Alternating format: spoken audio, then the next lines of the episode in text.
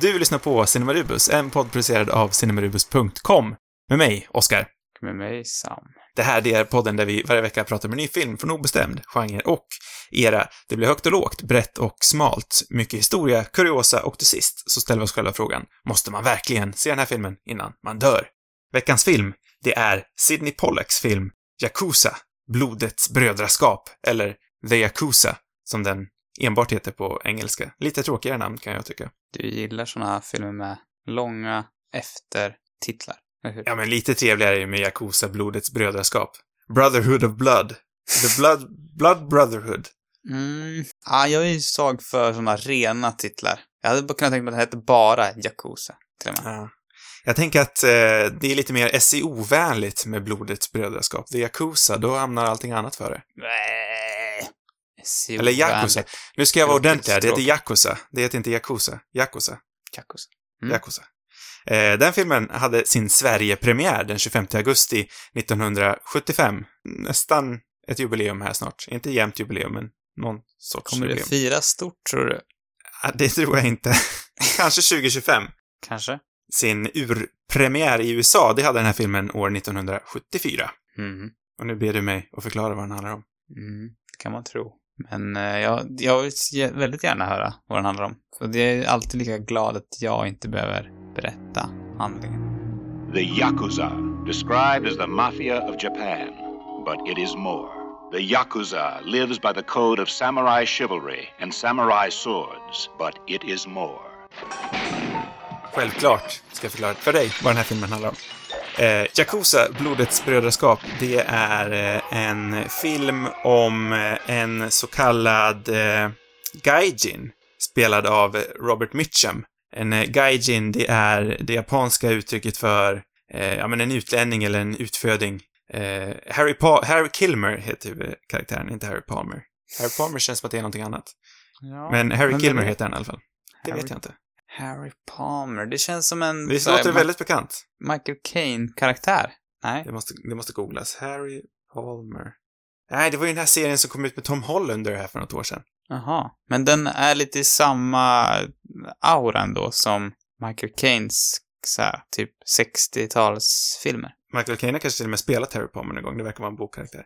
Ah, ja, den här karaktären heter i alla fall Harry Kilmer och han är en så kallad gaijin.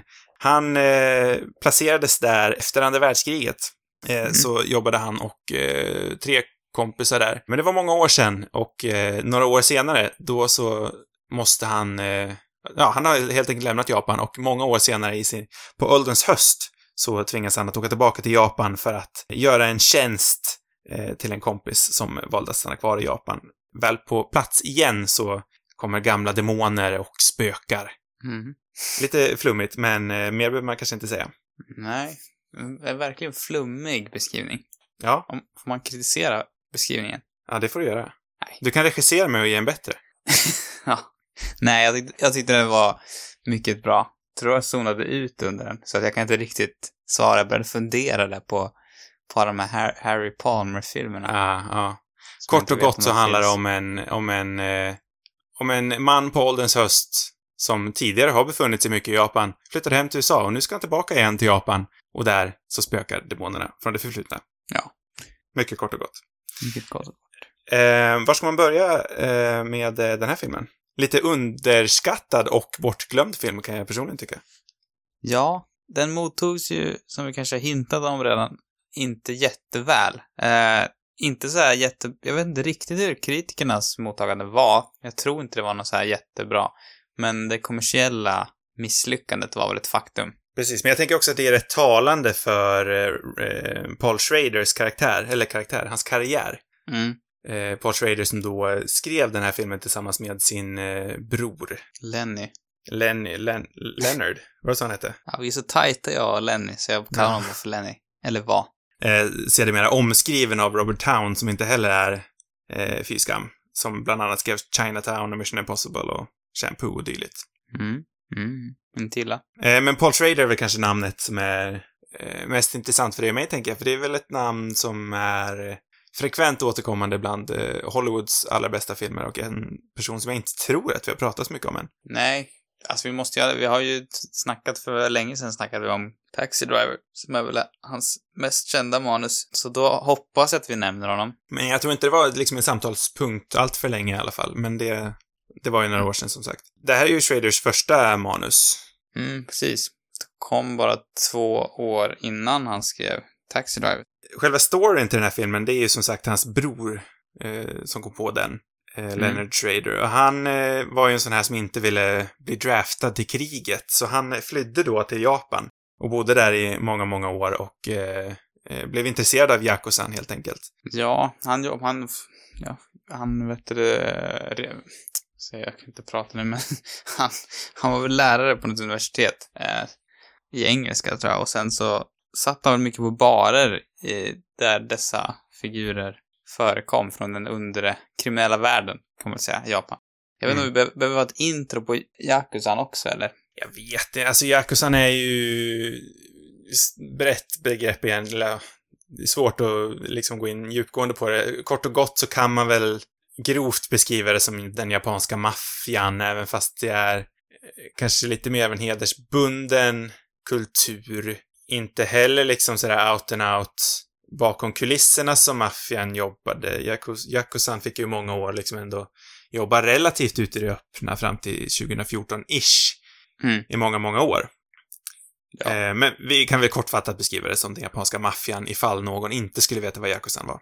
Nej, precis. Och det, men jag tycker det du sa just med ritualer och tradition är ju något som är väldigt liksom, närvarande i filmen också. Mm. Eh, men sen vet inte jag, jag tänker att alla eh, typer av maffior runt om i världen, det finns ju ett antal klassiska liksom. De har väl alla sina liksom, eh, sina koder och regelverk. Traditioner och sådär. Men den är ju väldigt gammal, det går tillbaka till 1600-talet tror jag, Yakusan. Så att det känns som att Japan också gillar det där gamla. Den heter ju Giri, den här japanska hederskoden kan vi väl kalla det för. Och det har väl några, det, som sagt, det kan vara svårt att översätta de här japanska termerna ibland. Eh, men vissa säger att det står för Death of Honor till exempel. Och det blir väl grovt översatt till hedersskuld då på svenska. Mm.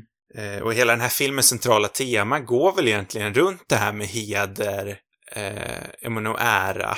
Eh, och det är det jag verkligen uppskattade med den här filmen, för det jag var rädd för, mm. det var ju att den här filmen skulle, eh, ja men kanske det man tänker med den stereotypa Hollywoodfilmen när den kommer till ett annat land, att den bara skulle hantera i klyschor, men jag tycker ändå att den här eh, ändå tolkar den japanska kulturen med respekt och den här Yakuza-kulturen med respekt. Mm, det håller jag verkligen med om. Jag vet väldigt lite själv om japansk kultur, så jag har liksom ingen svårt för mig att liksom ha en riktig uppfattning om det är, om den inte är stereotyp så, men den eh, upplevs ju inte, som många andra filmer kan ju vara väldigt så, stereotypa och mer än mindre rakt ut rasistiska i sina mm. yttringar. Den här känns inte som det, i alla fall. Men exakt. Eh, jag ska väl inte heller liksom utse mig själv till en Japan-expert, men jag, jag, är väldigt intresserad av Japan. Jag tycker det är ett intressant land. Eh, någorlunda koll tycker jag ändå att jag har. Eh, och jag tycker ändå att den känns någorlunda respektfull. Ja, och det måste ju på något sätt ändå komma tillbaka till att, att Leonard Schrader, som bodde i Japan under många år, eh, har del att skriva den här. Eh, mm. Så han vet ju säkert vad han pratar om till viss del i alla fall, även om han, han inte är liksom native japan så. Ja, men precis. Så borde han ha hyfsad förståelse. Sen så tog väl, om man går tillbaka till själva manusarbetet, så kom väl Robert Town in för att liksom bättra på eh, originalmanuset som de två Schrader-bröderna skrev tillsammans. Ja, jo, men han kom väl in och gjorde en så kallad rewrite. Det är ju väldigt vanligt i, i det amerikanska Hollywood-systemet. Och så vitt jag förstår det så gick han ju in och ändrade lite i själva upplägget. Eh, den här rika bakgrundshistorien som är en av mina favoritdelar i den här filmen, den eh, strök han till exempel från början och flyttade fram eh, lite senare i filmen och gjorde det mer till en klassisk exposition-scen. Mm. Då man i princip bara liksom, man rabblar upp vad som hände för. Och det, ja, nu vet jag ju som sagt inte hur Schraders manus såg ut från första början. Nej. Men en av de klumpigare scenerna i den här filmen tycker jag ju ändå är, oavsett hur intressant jag tycker att det är, rent dramaturgiskt så tycker jag att det är lite klumpigt eh, när de i princip bara har en voice-over att allt det här hände tidigare. Vi gick från jag menar, i efterkrigstiden så blev vi fyra kompisar. Eh, de här två stannade kvar, Robert Mitchum åkte hem till LA. Eh, men innan Robert Mitchum åkte hem så blev han kär i en eh, japansk kvinna vars familj blev dödad under kriget. De kärde ner sig, men sen så kom hennes brorsa hem som, ja, återigen då, tack vare hederskultur och dylikt, eh, blev väldigt förbannad på att hon hade träffat någon som inte var inhemsk till Japan. Eh, ja, det är väldigt mycket som förklaras om bakgrundshistorien och det, jag älskar att den här filmen känns, att den existerar i en värld som, att, att den existerar i en värld som redan fanns innan filmen började. Mm. Om du förstår vad jag menar. Den här världen känns inte som att den började när filmen började. Den här världen har funnits sedan innan. Ja, så ja. Och det är någonting jag alltid älskar, när det finns en rik bakgrundshistoria. Sen så behöver jag kanske inte alltid ha den så uttalad som det blir. Nej, de hade kunnat vävt in det lite mer, kanske. Men på Ja. till viss del tycker jag de väver in det och det avslöjas ju mer saker under, Mm. under liksom filmens gång, så helt osmidigt är det ju inte heller. Det är svårt att veta vad Schraders manus hade varit. När han skrev det så såldes ju för någon sorts rekordsumma, vilket är rätt imponerande ändå med tanke på att det var hans, hans liksom debut. Och eh, Mm. att han sen följde upp det med kanske sin, sin mest prisade film. Imponerande ändå. Jag är verkligen nyfiken hur det ens kom sig att, den här, att det här manuset blev så eftertraktat. Den känns ju väldigt mycket, jag vet inte varför, om det liksom var intresset, alltså det är ju en bra story. Den känns ju väldigt mycket 70-tal. Så här Private Eyes, eller liksom, eller Mhm. privatdetektiv som Robert Mitchum spelar känns ju, känns ju väldigt 70-tal på något vis. Den här sömniga, jag tycker den här fil- filmen har en otroligt bra atmosfär. Till exempel soundtracket är ju en kombination väldigt mycket, eller som själva målet är att kombinera japansk eh, musik med västerländsk för att Mm. på något sätt liksom mergea de två till någonting som kan attrahera målgruppen eller passa liksom. Och jag tycker det är både det här lite jazziga och kanske mer, ibland möjligtvis stereotypa japanska eh, stilen som blir väldigt bra. Och den är liksom ganska sömnig på något mysigt sätt. Mm. Alltså även actionscenerna har ett väldigt lugn i sig. Att, att det, de är på något sätt upplagda på ett så här nästan som ett schackspel på något Mm. sätt. En gör ett drag och sen gör nästa person. Jag, jag, jag tycker hela liksom, hela stämningen och atmosfären är genomgående väldigt effektiv och känns också väldigt 70-tal. Jag menar också som sagt väldigt genuint och jag uppskattar verkligen att Sidney Pollack ändå liksom verkligen ansträngde sig att filma den här filmen i Japan. Han anställde en japansk fotograf till exempel. Övervägande delen av rolllistan är ju japaner. Eh, det är väl en, två, tre, f- är det fyra stycken gaijins som inte kommer från Japan som är med i filmen. Fyra eller fem tror jag. Ja, det är väl eh, Tanner, det är han som, som ger uppdraget. Eh, Mm, jag vet inte, precis. berättade de uppdraget han har ens?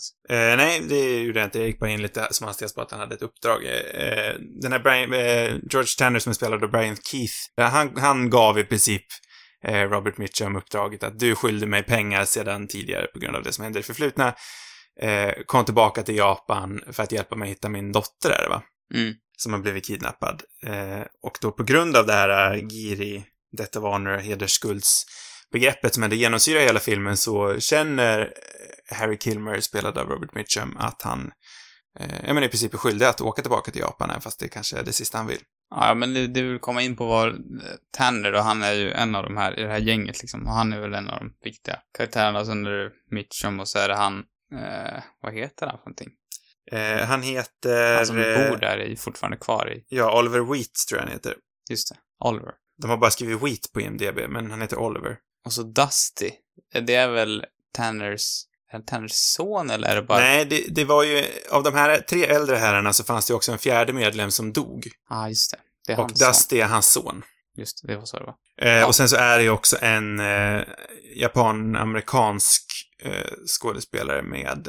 Eh, men annars så är alla eh, Japan-natives. Ja, och han som spelar en av de absolut liksom viktigaste eh, rollerna som brodern till Eiko. Eh, han, Tanaka Ken heter han i Mm. filmen. Spelad av Ken Takakura. Han är ju en riktig legendar i Japan som har Mm.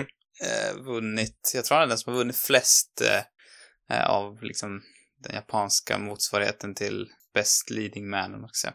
Och Eiko behöver kanske också säga att Eiko är kvinnan som Robert Mitchum var kär i i det förflutna. Ja, mycket. Mycket, Vi kanske inte ska gräva mer i alla Nej. sådana här delar. Det är inte så intressant. nej. Eh, men den här, eh, Ten Takahura, det är första gången jag har sett någon film med honom. Jag tycker det är väldigt intressant, för jag har sett han blivit beskriven som the bla bla of Japan. Jag har bland annat sett han blivit beskriven som the Robert Mitchum of Japan. Eh, the Steve McQueen of Japan. The Tom Hanks of Japan. Ja, men den hörde jag också. Tom Hanks Ja. och Japan. Det känns eh, på något sätt... Jag vet inte, alltid när man använder sig av det där så känns det så mm, att man minimerar, alltså nedlåtande mot en annan person, vad det än handlar om för någonting. Jag vet inte vem som vill, hur, hur liksom ärofyllt det än är så känns det ju tråkigt att bara bli en, någon bla bla bla Mm. av Japan, eller vad det nu kan vara. Verkligen. Nej men, eh, eh, hela anledningen varför han blev rollsatt är ju för att han eh, var en ganska minimalistisk skådespelare för att komma från Japan. Mm. Eh, för den japanska skådespelarkulturen är väl egentligen kanske mycket som Sverige, att den grundar i, i scenframställanden. Ja, teater. Eller framträdanden heter det. Ja, precis. Teaterframträdanden. Eh, det vill säga att de är rätt stora. Man spelar liksom to the back of the audience. Mm. Till eh, publiken som är allra längst bak.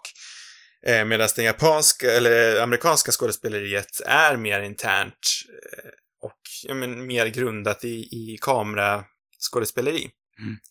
Men eh, Ken Takahara eh, var en ganska minimalistisk skådespelare som eh, spelade mer enligt den amerikanska skolan. Därav hans eh, rollsättning i just den här filmen. Och sen senare har han även spelat i, inte jättemycket, men i några större amerikanska filmer som till exempel Black Rain av Ridley Scott. Mm. Men jag hörde också att, att Paul Schrader och eh, Leonard Schrader hade sett väldigt mycket av japansk film när de skrev det här manuset. Eh, mycket av sådana klassiska gangsterfilmer. Jag fick för mig att han var med i många sådana också, eller att han Mm. varit med i någon. Att det var de som på något sätt hade tyckte att han borde vara med i filmen. Ja, nej, det är kul sen när man läser på i efterhand vem det är som tog åt sig äran. Sidney Pollack tror jag hävdade att han hittade Takahara, men Schrader hävdar också att han hittade Takahara, så det är, ja. Det känns, jag vet inte hur mycket liksom blev Paul Schrader bara bortkopplad när Sidney Pollack väl hade kommit in i, eh, i produktionen. Eh, nej, det tror jag inte, för han och eh, enligt Sidney Pollack själv då i alla fall så var han och Schrader i Japan i några månader Ja, och researchade och jobbade på manuset ihop. Mm. Eh, sen om han var med under själva inspelningen, det vet jag inte. Nej, men det känns som att de inte helt kom överens, eller jag vet inte. Nej, den uppfattningen har jag också fått. Fast i och för sig, nu när jag tänker på det, när Cindy Pollack nämnde det här i en intervju så sa han ju bara att han och manusförfattaren var i Japan, så han kan ju lika gärna prata om eh, eh, Robert Town, Ja, just det. som ändå har jobbat med eh, Cindy Pollack flera gånger efteråt. Så det skulle kunna vara Robert Town som var i Japan med Pollack också.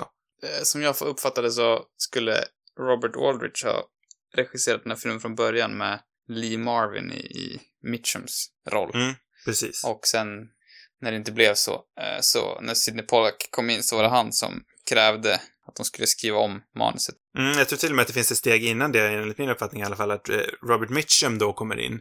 Och Robert Mitchum vid det här laget var så pass känd och eh, väl omtyckt att han fick, eh, han hade bestämmelse över vilken regissör det var som skulle göra filmen. Mm, okej. Och Mitchum ville väldigt gärna jobba med Sidney Pollack, för han var en ung up and comer Hade jobbat väldigt mycket i TV och även gjort eh, en del film. Bland annat den här Jeremiah Johnson, vad heter den? Den har ett jätteroligt svenskt namn. Mm. Indian, indiandödaren, indi, vad heter den? Någonting sånt. Jeremiah Det Johnson. låter jätteotrevligt. Ja, roligt var kanske en överdrift, men... Jag måste kolla vad den heter. Där, ja, Jeremiah Johnson, Indiandödaren, så heter den. Eh, Numera kanske mer känd från den här memen när Robert Redford är skäggig och kollar in i kameran och ler. Ja, jag, jag kommer ihåg att inte allt för länge så blev jag så chockad när jag insåg att det var vet du, Robert Redford. För jag har typ alltid tänkt att det var Chris Christopherson från den här Mm. mm. Altman-filmen, va? Vad heter den? McCabe and Mrs. Miller tänkte jag på med Warren Beatty. Mm. Det var den. Det är den jag alltid tänkte att det är, men det, det är det inte. Ja, är, han är ju så täckt i ansiktsbehåring så det är svårt att skilja. Han ser så fet ut. det är någonting med kamera. Eh, det är någonting, jag vet inte. Det är något som inte stämmer där. Ska vi återgå till filmen? Vad var det jag sa? Ah, Jo, eh, Mitchum, eh, Mitchum hade final say i vilken regissör han eh, ville ha med sig. Det hade han på alla sina, eller i alla eh, filmer han gjorde vid det här laget tydligen. Så då Mm. sa han det, att jag vill ha Sidney Pollack. Eh, och sen efter Sidney Pollack kom in, då antar jag att han eh, kickade Schrader av från produktionen. Eh, jag antar att det är så det går i alla fall. Eh, men som sagt, eh, när Schrader försvann, det var ju då Robert Town kom in och ändrade lite, och bland annat så kom ju den här Bond-aktiga förtexten in. Mm. Som jag ändå måste säga att jag gillar, för det, det etablerar ju också, eh, kanske inte ordagrant, men det etablerar ju också den här Yakuza, eller Yaku, fan, jag måste, Yakuza. Den här Yakuza, Jag är så mån om att få det rätt, men det är bra. ja, jättemån. Eh, den här Yakuza, eh, som är väldigt central till den kulturen. Mm. Eh, för det här med tatueringar, det får man ju, eller man får ju ha det i Japan, men man ska ju inte visa det. Medan Yakuzan, de är välkända eller ökända för att ha tatuerade kroppar. Ja, allting är tatuerat Mm. i princip. Eh, och det är ju en av flera grejer, verkligen, men, som verkligen sätter stilen i den här filmen som jag ändå gillar. Jag uppskattar verkligen den här Bond-aktiga förtexten. Ja, det är, ja, det är väldigt visuellt tilltalande. Mm. Det finns en scen, eh, om man får hoppa lite grann, men som är, Mm. jag tycker är liksom, när det är det visuella crescendot på hela, Mm. hela filmen. Det är när de, när Mitchum och eh, den här yngre sonen till en av hans gamla vänner sitter i, Mm. ett, i ett bad. Åh, Det sker ett mordförsök. Det är så otroligt, eh, scenografin där är, ja, det är så jäkla bra. det är väldigt så här mycket rött och det är några karpar som är liksom i någon sorts akvarium mitt i någon rund, ja, väldigt häftigt. Ja, det är så himla snyggt. Det är flera så här, alltså alla actionscener i den här filmen tycker jag egentligen är klockrena. Och det Mm. kommer ju också från Pollack då återigen, som egentligen inte är vidare erfaren vid actionfilmer vid det här laget. Eh, han gör ju många thrillers i senare dagar, men en actionregissör kan jag inte direkt säga att han var känd som. Nej, och, men jag tror att det är för att den inte är riktigt den här traditionella, eh, den är inte så traditionell i den bemärkelsen. Nej. Eh, utan den känns just, ja men som jag sa, väldigt så här metodisk och, och eh, det sticker ut lite grann.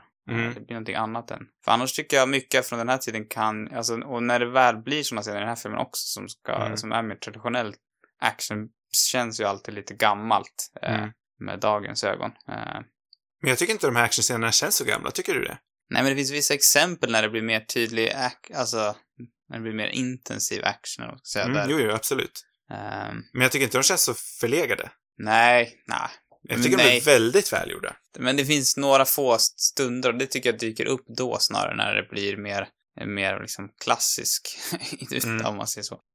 Väldigt roliga, eh, liksom, eller roliga, roliga, men det är en scen där han hugger, jag vet inte, armen av en, eller Mm. handen av en persons hand som flyger iväg, liksom med pistolen som skjuter i luften. Vilket, det känns ju nästan som någon sorts, eh, ja, komedi eller vad man ska säga. Ja, nej, jag tycker, för mig funkar det fullt ut. Jag köper Men det. jag säger inte att det inte funkar, men det ser väldigt, väldigt mycket Wes Anderson ut också, typ. Ja, ja, kanske. Du misstolkar alla mina kommentarer som kritik. eh, Ja, jag vet inte varför du gör det, men det är för att det, det, låter så det är inte en kritik. Nej. Du vet, jag älskar Wes Anderson, så det är ju... Det är Men gör du verkligen det? Ja, jag gör verkligen det. Okej. Som du säger, för den är så metodisk den här filmen, så när, när det väl kommer, det är ändå ganska många actionscener, men emellan dem så är det väldigt lugnt, metodiskt, man sitter gärna vid bordet och liksom pratar, som du nämnde. Eh, men så kommer de här våldsexplosionerna och de blir så himla starka varenda gång. Och ofta så finns det också något slags mänskligt element i dem som verkligen grundar eh, actionscenerna i, ja men i drama. Mm. Jag tänker till exempel, eh, lite längre in i filmen så attackerar den här Oliver Wheat som vi nämnde. Eh, Det är ju den kompisen som, han har egentligen ingen jättestor roll, men han är där för att visa att eh, bor man i Japan länge nog så, så akklimatiserar man sig. Mm. Eh, men man, man, han har liksom verkligen anammat den japanska livsstilen. Han bor i ett typiskt japanskt hus.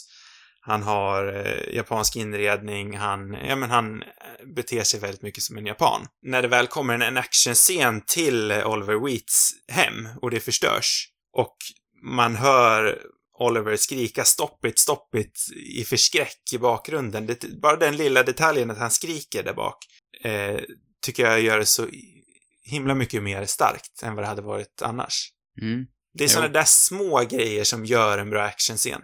Mm. Jo, men det kan jag. Och en annan grej som jag verkligen uppskattar eh, senare i filmen när det händer lite mer katana-svärd-action, det är att även här så väljer Sidney Pollack att inte grunda det liksom i eh, den här actionscenen finner liksom inte sitt klimax i hur många gånger klingorna möter varandra, utan han förstår att en riktigt bra svärdfight, eller en actionfight överlag, den grundar liksom i fotarbetet. Mm. Och hur det- karaktärerna rör sig, mer än hur många gånger de möter varandra. Det är mycket den jag syftar på också, som det liksom... Ja, men den är verkligen den här metodiska. eh, Det, det är väl kanske där är som allra Mm. bäst, tycker jag. Mm. Sen så är det ju...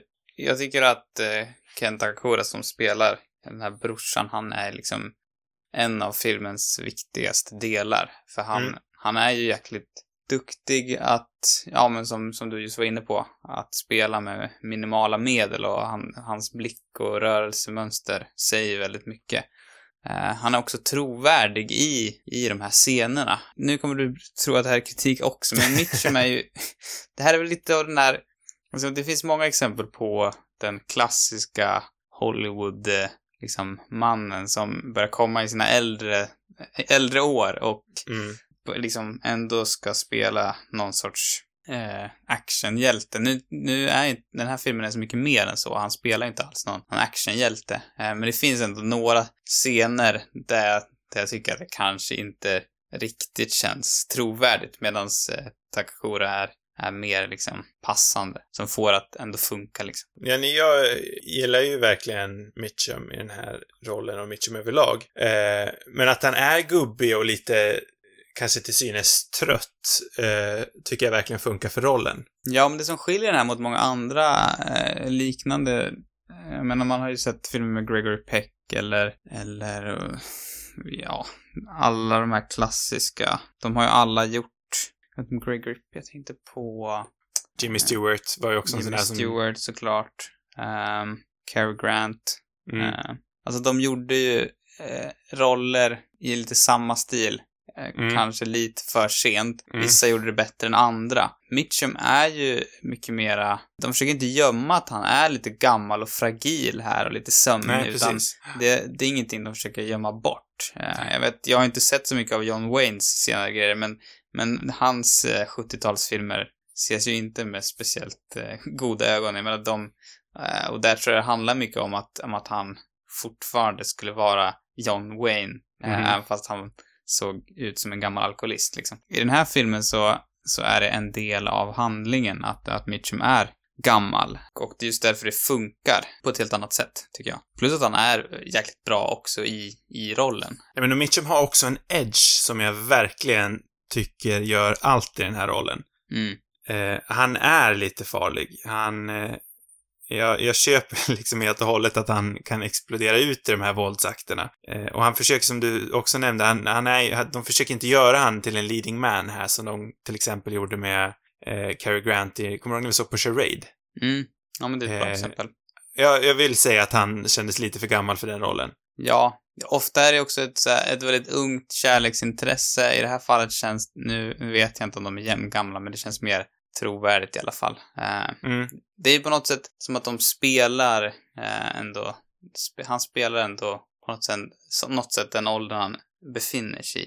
Jo, men precis. Jo, men det var ju också Pollack väldigt mån om, att hitta en skådespelare som eh, inte var för ung. Nu vet jag inte åldersskillnaden faktiskt, men hon fick inte vara för ung, för det skulle ändå vara trovärdigt att de här eh, träffades eh, 1945 till 1950 någonstans där. Och att tidsspannet ändå, att ett realistiskt tidsspann hade gått däremellan.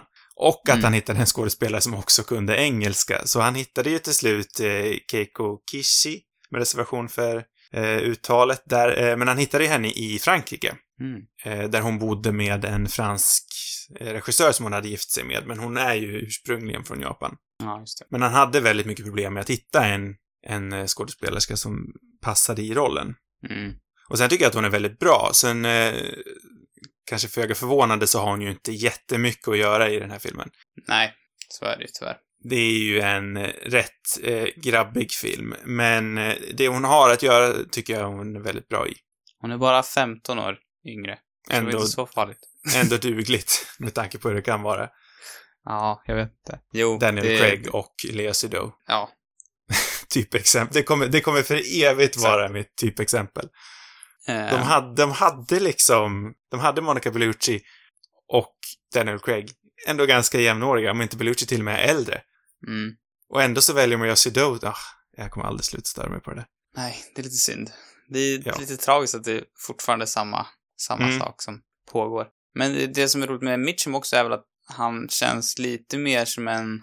Jag har ju tyvärr inte sett så mycket av Mitchums eh, gamla grejer, men om man jämför med de andra klassiska liksom, guldålders leading men så har Mitchum lite av ett... Han har spelat lite annorlunda karaktärer. Han spelade ju mycket bad guys också, eller Mm. antihjältar åtminstone. Eller både och. Bland annat så spelar ju han eh, i Cape Fear, originalfilmen, samma karaktär som De Niro Mm, eh, gör i Scorseses. Och eh, Är... Hunter. Ja, precis. Vad? Trasdockan på, ja, trasdockan på svenska. Vem?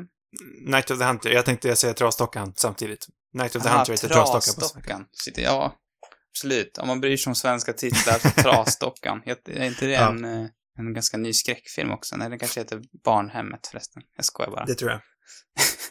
Ja, men där spelar han också en eh, tvivelaktig karaktär, Mm. kanske vi kan säga. Eh, han har åtminstone gjort, liksom, han gjorde mycket noir-filmer, han var Mm. känd inom den genren och eh, nu spelar han inte bad här, men han har liksom lite mera eh, mixad repertoar än vad, än vad de andra hade. Han kom ju också från en, en ganska hård liksom, arbetarbakgrund om jag förstått det rätt och, Mm. och liksom slidade in på skådespeleriet. Han kommer ju verkligen från en påve-bakgrund. Hans mamma är ju, har ju norsk eh, eh, bakgrund. Jag tror eventuellt att det är så att hans mammas föräldrar kommer från Norge. Alternativt att hon kanske till och med föddes i Norge och emigrerade till USA. Det vågar jag Och det är Norge innan oljan, kanske man ska påpeka. Det är liksom fiske-Norge. Exakt. Lite andra, liksom, ett, annat, Ja. ett annat land på den tiden. Ja. Eh, nej, men och han lämnade ju sitt hem. Hans pappa dog i mycket ung ålder. Jag tror han var två eller tre när pappan dog. Men han lämnade hemmet när han var 12 år gammal. Och hoppade på ett Mm. tåg och började tågluffa. Mm. Eh, sen så åkte han hem ett tag och sen så lämnade han igen och så hamnade han i en sån här chain gang vid blotta 15 år gammal. Mm. Jag vet inte vad chain gang är på svenska, men en sån här klassisk eh, när allihopa sitter fastlänkade, fångarna sitter fastlänkade med fotbojor Ja. och går och jobbar längs med gatan typ. Eh, så han har ju alltid haft, han har ju alltid haft den här edgen med sig, även alltså från barnsben. Mm. Och han var ju tydligen ökänd på skolan också. Han blev utkastad flertalet gånger för att han var busig. Det var någonting, han, var, han sa inte vad han gjorde, men han hade gjort någonting med en lärares duschmössa. Mhm. Jag vill inte ens föreställa mig vad det är han kan ha gjort med den. Vill du inte eller kan du föreställa dig? Nej, jag kan, men jag vill inte. Nej. Men det är också bara en chansning, för han vill inte säga. Nej. Spännande. Jag såg också den intervjun. The Cavett Show, var det inte det? Varför görs det inte? Alltså, jag älskar sådana här gamla talkshows där man satt och pratade. Länge pratar de om. man satt och liksom hade timmeslångt samtal, lite med glimten i ögat, men ändå så seriöst. Fan vad bra det var. Ja. Det finns väl talkshows idag, men de känns som att de alltid är så jäkla korta. Det är liksom Ja, fem minuter per person, mer eller mindre. och så ska man hinna leka på de fem minuterna också. Jaha. Vad är det för de talkshowsen har inte jag sett med Det är alltid, lekar? men det, det är ju Jimmy Fallon, det ska alltid vara Ja, en lek, eller James det. Corden, eller... Ja, det är sant. Skavlan var ju faktiskt väldigt bra på att hålla samtal, men då var det också sådär att det var fyra gäster per avsnitt och... Ja, men där också är det, jag tycker inte heller det är, alltså, det är också för kort egentligen. Mm. Det Jo, men verkligen. känns inte som att det är så många minuter per person. Plus att de andra ska sitta där och liksom eh, vika in med onödiga Precis, grejer. precis. Du och jag återkommer ju ofta till eh, den kanske lite tvivelaktiga Charlie Rose. Men hans Mm. program var ju också väldigt intressant när det begav sig. Jag har inte sett något förrän inför den här veckan. Det känns som att jag alltid Nej, jag- ser Charlie Rose. Jag kollade på en Charlie. Rose-intervju med eh, Sidney Pollack. Ja. Den visade sig inte vara relevant till någonting, men det är alltid kul att lyssna på. Oftast så finns det inte till den filmen man... Nej. Oftast är det i, i koppling till en annan film. Exakt. Men det kan vara bra ändå. Charlie Rose känns också som att han var en av de sista som höll i det där. Kanske dags för en ny. Ja, Ja. Ja, jag, jag älskar det. Timmeslånga liksom intervjuer där man hinner gå in på djupet och det, där det liksom är välutbildade frågor också. Det är inte bara det här ytliga. ytliga. Mm. Ja, verkligen. Det var bättre förr. Mm. Ja. ah, var det det? Jag vet inte. Jag skulle också vilja prata om Jack Daniels. Eh, drycken. Drycken. Jag tror aldrig att jag har druckit en Jack Daniels faktiskt, för att i min värld så är det... Eh, det har inte den finaste klangen. Nej, men det kanske Men borde när- ha egentligen. Ja, för när Robert Mitchum kommer till Japan, då är det första han beställer av sin före detta älskare en Jack Daniels. Beställ den. Jag för att hon erbjöd den. Ja, hon Han att kanske han erbjöd, men ändå. Det var ändå sådär, det lät lite trevligt. Jack Daniels, det har ju ändå en bra klang. Ja, Men med åren så har det fått lite trash-stämpel. ja. Det kanske är med svenska, ur ett svenskt perspektiv. Eller är det Kanske. internationellt trashigt? Jag vet, det känns som att det är internationellt trashigt. Ja. Kanske extra trashigt här. Men det, är, ja, men det är lite som med Jägermeister också. Ja, jag tänker också precis. kanske ha haft någon sorts klass tidigare, men det har Mm. liksom skadats, var, varumärket. Jag vet inte om det är självförvållat eller om det är liksom... Det har Pratiga talkshows och Jack Daniels, det är dags att ta tillbaka dem. Jag börjar jag tänka på den där reklamfilmen som, i, som Bill Murray spelar in i Lost in translation. Men det väl Ja, för någon ja. japansk whisky. Ja, det är Santor For a good time, någonting Santori time har jag för mig att han säger. Just det. Vilket, den känns ju lite smårasistisk också om jag inte missminner mig. En väldigt stereotyp japansk regissör och sådär. Ja, kanske. Jag kommer inte ihåg. Vi har ju faktiskt pratat om den i Jag podden tror för vi kan ha snackat också. om det då. Det gjorde vi kanske. Får jag tipsa om en gammal podd som vi har gjort och om man är intresserad av eh, efterkrigstiden i Japan så kan man ju faktiskt gå tillbaka och lyssna på vårt avsnitt om Onibaba. Mm. Där så gick vi in i ganska djupt detalj om efterkrigstiden i Japan eh, som den här filmen berör rätt mycket. Så vill man få lite historisk bakgrund till det och särskilt då den eh, filmhistoriska bakgrunden så kan man gå och lyssna på det avsnittet. Ja. Också sjukt häftig film, måste man ju säga. Också en sjukt häftig film. Verkligen. Vad har vi mer att eh, tala om med dagens Ja, men jag, jag skulle kunna passa på att slänga in min besläktade rekommendation. Mm. Eh, hela anledningen varför jag ens kom in på den här filmen är ju för att jag har kollat på Tokyo Vice. Ah. Eh, serie med bland annat eh, Michael Mann i spetsen. Bakom kulisserna då alltså. Och det är ju en, eh, en... Det är ju inte en miniserie, det ska tydligen komma en säsong två om inte allt drama på HBO har ändrat det. Men det handlar om en eh, amerikansk gaijin då, för att återgå till det begreppet. Men han är en journalist spelad av den också cancellade Ansel Elgort. I eh, möjligtvis hans bästa roll. Jag har aldrig riktigt varit ett Ansel Elgort-fan innan Men den här om... serien. Jaha, okej. det här känns som en farlig fråga att ställa om man inte vill få spoilers. Men du menar, om han är så cancelled, kan de Ja. göra en säsong två då? Nej, det är det jag har varit lite fundersam över. Han kanske bara är lite cancelled. Det är det jag tror att han är, för han vart ju ändå, ja, jag vet inte. Man kan ju bli mini-cancellad och cancellad cancellad. Jag tror att han är mini-cancellad. Mm. Mm. Fast han, han borde kanske...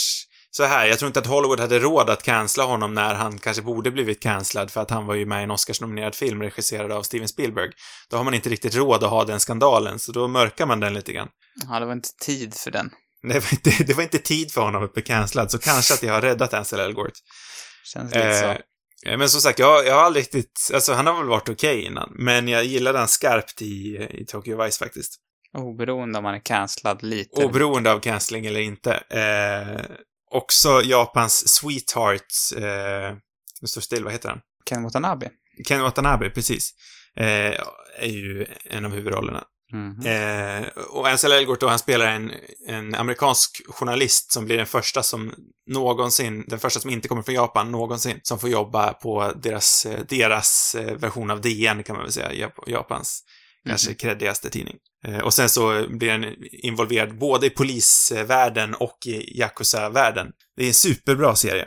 Med så här perfekt Michael Mann-stilrenhet. Eh, också väldigt lik i tonen till Yakuza, Blodets brödraskap, brödraskap, tycker jag. Mm. Så det är definitivt min rekommendation och det känns inte som att nog eh, eh, människor kollade på den. Nej. Ska jag vika in min också? Mm. Eh, när vi ändå håller på. Vilket Mm. också är faktiskt ett gammalt avsnitt. Men jag kunde inte låta bli att tänka på The Long Goodbye. Vilket är tidigare nämnde Robert Alt Altmans film från 73 som också följer en privatdetektiv fast mer liksom i aktivt Mm. En mer aktiv, fortfarande arbetande privatdetektiv. Men den har Mm. också den här väldigt sömniga, mysiga 70-talskänslan. Mm. Väldigt bra. Och eh, eh, huvudkaraktären som, eh, alltså Philip Marlowe, eh, som, ja, det, det bygger på en bok av Raymond Chandler. Han har också spelats av, av Mitchum faktiskt. Just det. The Big Sleep. Och då är det inte The Big Sleep med eh, Bogart. Humphrey. utan Big Sleep från 78. Vilket jag inte vet om det är en så bra film. Men eh, The Long Goodbye är definitivt en rekommendation. Väldigt bra film. Eh, en annan, om man också, jag vet inte, det är konstigt att komma med ett så här, ett besläktad, en besläktad rekommendation eh, av någonting man inte har sett. Men det får du gärna göra. Eh, väldigt sugen på en japansk film från 66 som är liksom en, en av de mer klassiska eh, gangsterfilmerna. Eh, Tokyo Drift, jag vet inte om du har sett den? Need for Speed Tokyo Drift. Inte Need for Speed Tokyo Drift. Nej, okej. Utan Eh, bara nej, Tokyo. Drifter. Föregångaren till Need for Speed Tokyo Drift. Ja, ah, just det. Den beskrivs som en free jazz gangsterfilm. Eh, Wow. Och jag tycker den ser otroligt cool ut. Eh, alltså, väldigt visuellt tilltalande. Lite av en, en någon sorts, jag vet inte vad man kan kalla den klassiker, men jag tror det. Typ. Tänkte att du kanske visste vad det var för någonting i alla fall. Eh, Namnet låter bekant, men jag vet ingenting om den. Du känner säkert igen, om du ser lite bilder från den, tänka mig. Mm. Den eh, rekommenderar jag mig själv att kolla på någon gång framöver. Vet du vad? Jag rekommenderar också mig själv att kolla på den. tror att det var en av filmerna som Schrader-bröderna kikade på under arbetet med den här filmen. Det känns eh, fullt rimligt. Vad är dina generella känslor kring filmen? Är den en, liksom en 10 av 10 eller var, vart landar Ja. du någonstans? Nej, men precis. Det känns inte riktigt som att vi har pratat om det, konstigt nog. Eh, nej, men jag tycker att den här filmen är väldigt, väldigt bra. Mm. Förvånansvärt bra. Jag hade nog inte riktigt förväntat mig att jag skulle tycka att den var så bra som jag gjorde. Nej. Och att den var så seriös som den var. Ja. För som sagt, jag hade nog ändå tänkt någonstans att det här var en film som såklart spelas in i Hollywood. De har kanske, har man riktigt otur så kanske till och med hade varit någon yellow face i den. Ja, förhoppningsvis lite för sent för det, men jag förstår vad du menar. Ja. Jag hade också förväntat mig mycket mer pajig, liksom usel. Ja, och även fast det var tunga namn i så hade jag, alltså bakom kulisserna så hade jag ändå förväntat mig det. Jag hade också tänkt mig att, att Mitchum skulle vara mer vad, som det brukar liksom vara med såna här gamla Golden Age-skådisar. Men det, det, ja, det funkade faktiskt i den här tyckte jag. Ja, men eller hur? Alltså den är väldigt skarp och som sagt förvånansvärt bortglömd vill jag säga. Det är kanske bara jag som har missat snacket om den här. Ja, jag tror den är rätt bortglömd. Den har liksom också så här, det står, alltså, känns som att saker står på spel, eller i allvar. Man, Mm. det liksom, det kan gå jävligt snett. Det gillar jag också. Ja, nej, men alltså när vi väl, nu har vi ingen spoilersektion den här veckan, men alltså när vi väl kommer till slutet.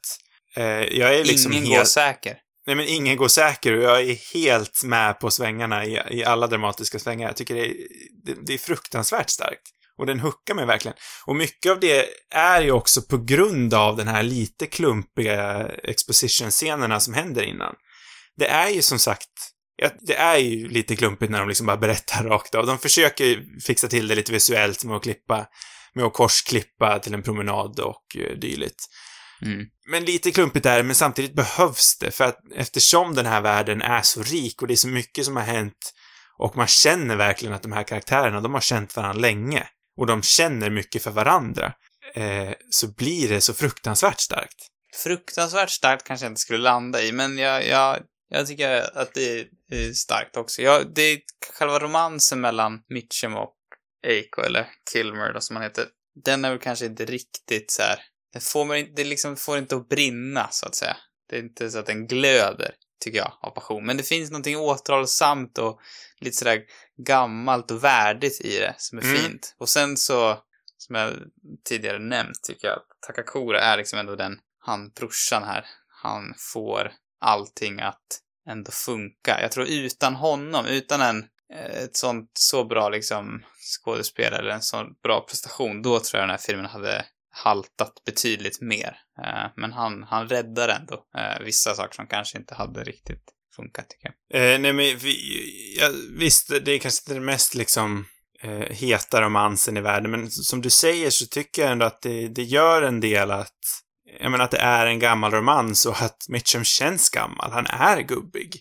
Han har lite grått i håret. Han är inte liksom fit for fight. Ja, När, precis. eftersom man sitter väldigt mycket på golvet i Japan, det gör mycket att man ser att han liksom haltar lite när han precis har rest sig. Mm. Och det, det bidrar liksom också en sorg. För den här filmen har så mycket av det här att tänka om. Men det finns en värld när de här karaktärerna hade kunnat vara lyckliga och ingen är riktigt lycklig i den här filmen. Nej. Och är man på väg att bli lycklig så skiter det sig på en gång. Nej. Jo. Fy fan. Hemskt. Ja. Så är det. Nej, men jag tycker verkligen att den här... Jag hade väl någonstans... Jag vet inte riktigt vad jag förväntade Alltså, jag trodde väl att den skulle vara bra, men inte så här bra, tror jag. Nej, och jag trodde den skulle vara ja, helt okej och den var ändå Ja. betydligt bättre än, än så. Så att, Mm. Ja, nej, och, och, sen har vi kanske inte riktigt kommit in på hur mycket jag älskar Sidney Pollack som han, så som han verkade vara som person. Men det tror jag att vi pratade om eh, för länge sedan när vi lyssnade på, eller när vi kollade på, eh, Eyes Wide Shut. precis, Stanley Kubricks sexfilm. Ja. Ja, där han spelar själv istället. Ja, men precis. För han skådespelar ju också. Han var väl från i grunden liksom en skådespelare. Sen så är han en sån där konstig människa som bara råkar ramla in på regissörsyrket. Mm. Eh, men ja, det har vi säkert pratat om då. Eh, Schneider verkar dock inte tycka att man ska se på Yakuza Blodets brödraskap innan man dör. Eh, det vet inte jag heller om jag tycker. Inte jätte, liksom, chockartat egentligen. Nej, faktiskt inte. Nej, men det är en väldigt bra film, men det är kanske inte riktigt en sån här all, all time high, bästa of all time film. Men den är väldigt bra. Ja, Vad tycker du? jag, jag tycker inte heller att den är på måste se-listan, men eh, eh, lite småtrevlig var den definitivt. Så att Där. om man vill ha lite trevligt, kolla på Har den. du bestämt en film till nästa gång, Sam? Nästa gång blir det eh, Bergman Island. Eller Åh. Bergmanön. Har den en svensk titel? Det vet jag inte. Eh, Den är så pass ny så det tror jag inte. Tråkigt. Den kan jag tycka borde ha en ändå. Ska vi åka ut till Fårö och spela in ett specialavsnitt? Varför inte? Nämnde inte jag Tim Roth förra avsnittet? Eller var det avsnittet innan det? Kanske det. Jag för mig att jag nämnde Tim Roth här för ett tag sedan. Eller så var det off, off air. Mm. Men Tim Roth är ju underbar. Och så Vicky Kripps, va? Vicky Kripps är med. Eh, vi har också Mia Wasikowski Just det. eh, och eh, Anders Danielsen Lee. Eh, den norska, eventuellt kommande superstjärnan. Nej, jag vet inte om han kommer bli det, men, men världens värsta människa, skådisen. Eh, Ah. det, är- det är ett trevlig, trevligt gäng tycker jag. Och så är den regisserad av Mia Hansen Löv. Jag vet inte hur man säger, det. jag tror hon är fransk dock, men kan vara fel. Eh, ganska ny film. Så Mm. det blir kul. Eh, det pratar vi inte så ofta om. Taggad, det är vad jag är. Mm. Sista sommarstrålarna tänker jag att den kommer bidra Just det. Smört, smört. Eh, flera avsnitt, de hittar ni precis som vanligt på cinemarubus.com eller där du oftast eh, brukar lyssna på poddar. Eller där du sällan brukar lyssna på poddar. Sociala medier, det har vi också. Där heter vi Cinemarubus på Instagram och Twitter. Har du frågor och vill ha svar eller kanske ett förslag, då skickar du in dem till cinemarubus.gmail.com. God natt allihopa! God natt.